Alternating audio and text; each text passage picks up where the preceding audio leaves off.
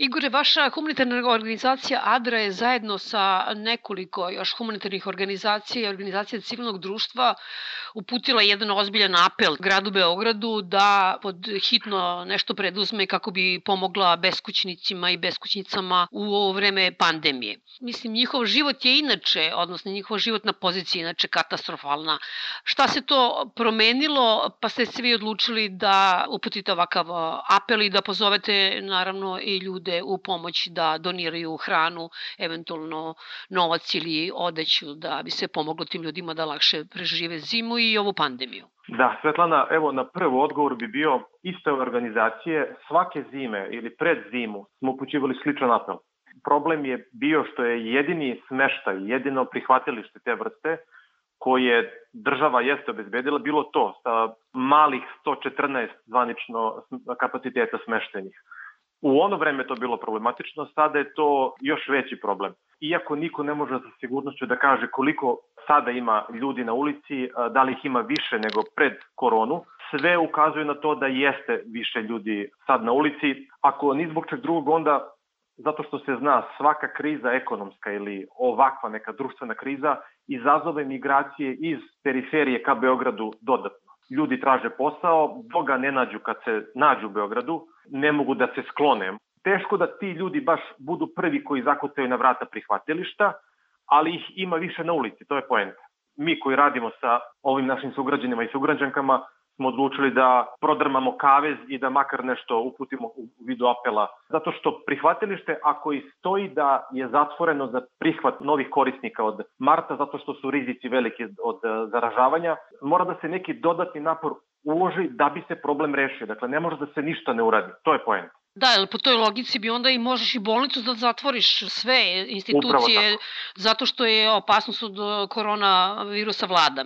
Upravo tako. Absurdno objašnjenje. Koliko je, recimo, ljudi bilo upućeno tamo od, od strane centara za socijalni rad, pa su ih u prihvatilištu vratili ili su možda neki čak i smestili tamo? Blizu 50 tih upućivanja, dakle, kada su centre socijalni rad koji su deo sistema upućivali, To znači da su bile jasne procene da te osobe moraju biti tamo smeštene, zaštićene. Nažalost, odgovor je bio ne iz ovih malo pre pomenutih razloga. I to je samo ono što su centri uspeli da prepoznaju kao potrebe korisnike i da ih upute. Da ne pominjemo koliko je sigurno veći bio broj ljudi koji su bili u potrebi, a nisu ni stigli do centara, dakle da ih ovi upućuju. I to je zaista problem.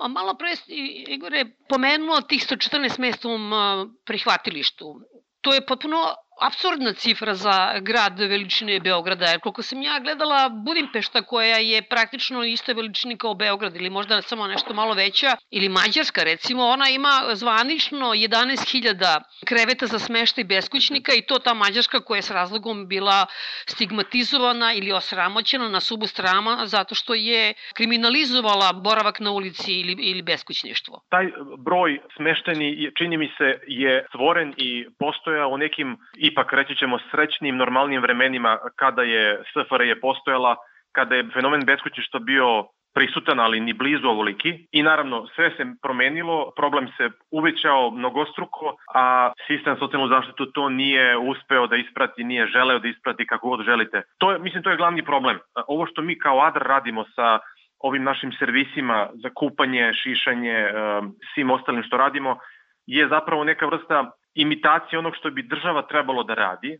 Naravno, država ni u tim zemljama, pomenuli ste Mađarsku i neke druge zemlje se mogu pomenuti, nikad neće ni hteti, ni će moći sama bez civilnog društva. Da. Ali ovde je problem što glavni igrač je nemoćan da odradi glavni deo uloge, onda mi sada obigravamo oko toga, pokušamo da improvizujemo. To je glavni problem pogodili ste. Za početak morate da imate nekakvu predstavu, čini mi se, koliko tih ljudi ima i da se prizna ta činjenica, ako je recimo u jednoj Nemačkoj ili u Engleskoj, gledala sam te brojke, za dve, tri godine po 150% poraste broj beskućnika. Mm. Mađarska takođe.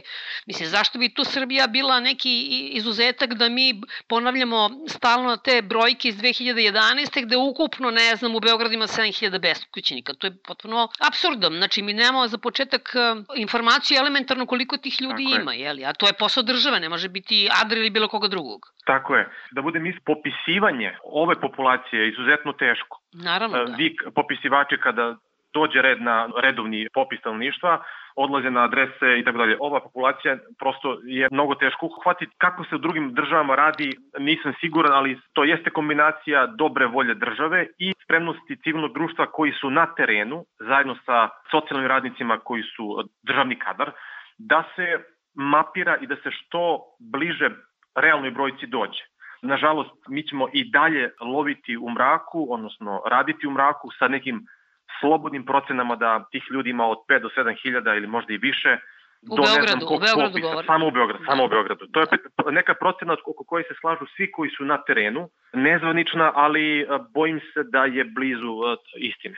Ona pomoć od 100 evra, famozna, ona nije mogla ni na koji način da dođe do tih ljudi. Da, ukoliko ti ljudi nisu bili na nekom spisku, nisu dobili. Bojim se da velik broj ove populacije iskreno ili ni na spisku zbog toga što sistem nije u stanju da ih registruje, ili nisu želeli mm. nepoverenja prema sistemu, opravdanog ili neopravdanog. Sad to mnogo i ne menja stvar. Tako da bojim se da je odgovor da verovatno dobar deo njih nije dobio. Napomenuli ste da su recimo centri za socijalni rad u prethodnom periodu uputili, koliko se javila, 43 uputa za privremeni smeštaj ovih ljudi u prihvatilište, da li policija te ljude nalazi na ulici pa ih šalje negde, da li građani prijavljuju, kako uopšte oni dospevaju i gde dospevaju kada ih neko zatekne na ulici, recimo pogotovo po ovom vremenu iz vreme pandemije? Govorim iz, mog, iz našeg iskustva. Često je policija pronalazila te ljude i odmah kontaktirala Centar socijalne rad. I onda je centar brzo procenjivao i šta god da je odlučivao. Drugi najčešći zapravo možda je češće od ovog prvog, je kada su organizacije koje rade na terenu, koliko znam, to su sada isključivo organizacije civilnog društva, pronalazili, prepoznavali, oni bi obaveštavali. Mi konkretno imamo dobru operativnu saradnju sa svim opštinskim centrima za socijalni rad na teritoriji grada Beograda. Mi imamo SOS uh, telefon na koji se javljaju i građani. Neki od tih prijava smo dobijali od građana. Šta vi možete da učinite sada za nekoga recimo ko je na beogradskim ulicama? Ja moram svetlano da pomenem, nama su bukvalno dolazili u trenutku kada je već e, naš program bio na ivici da, da, da stane.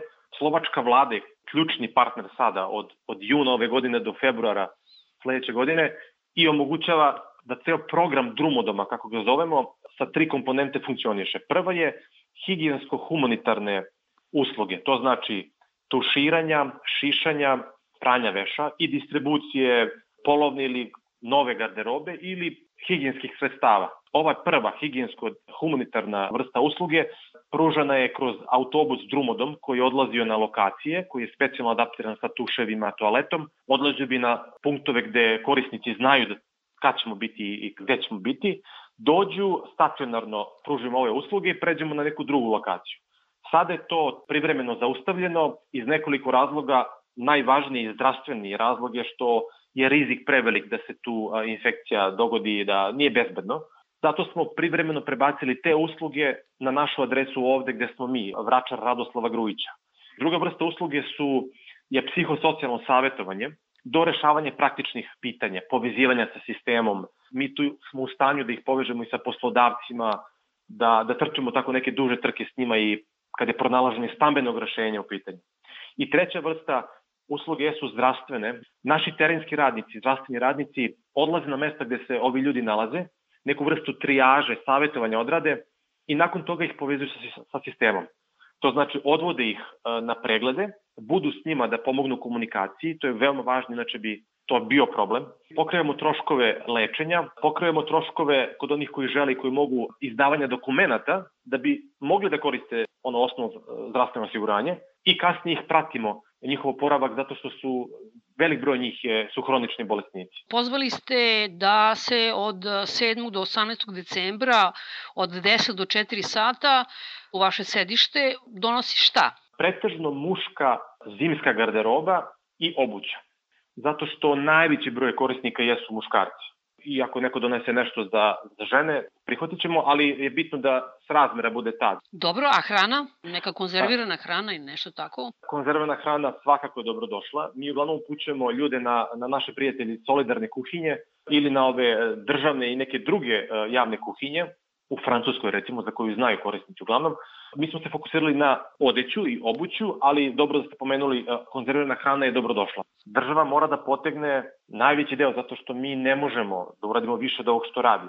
Ne sme da se dozvoli da ove potrebe budu tako tek ignorisane. Prosto ne sme. Mi jesmo država kakva jesmo s tim resursima koje imamo, ali brine nas volja koju ne vidimo. Igore, hvala puno na razgovoru. Hvala Svetlana.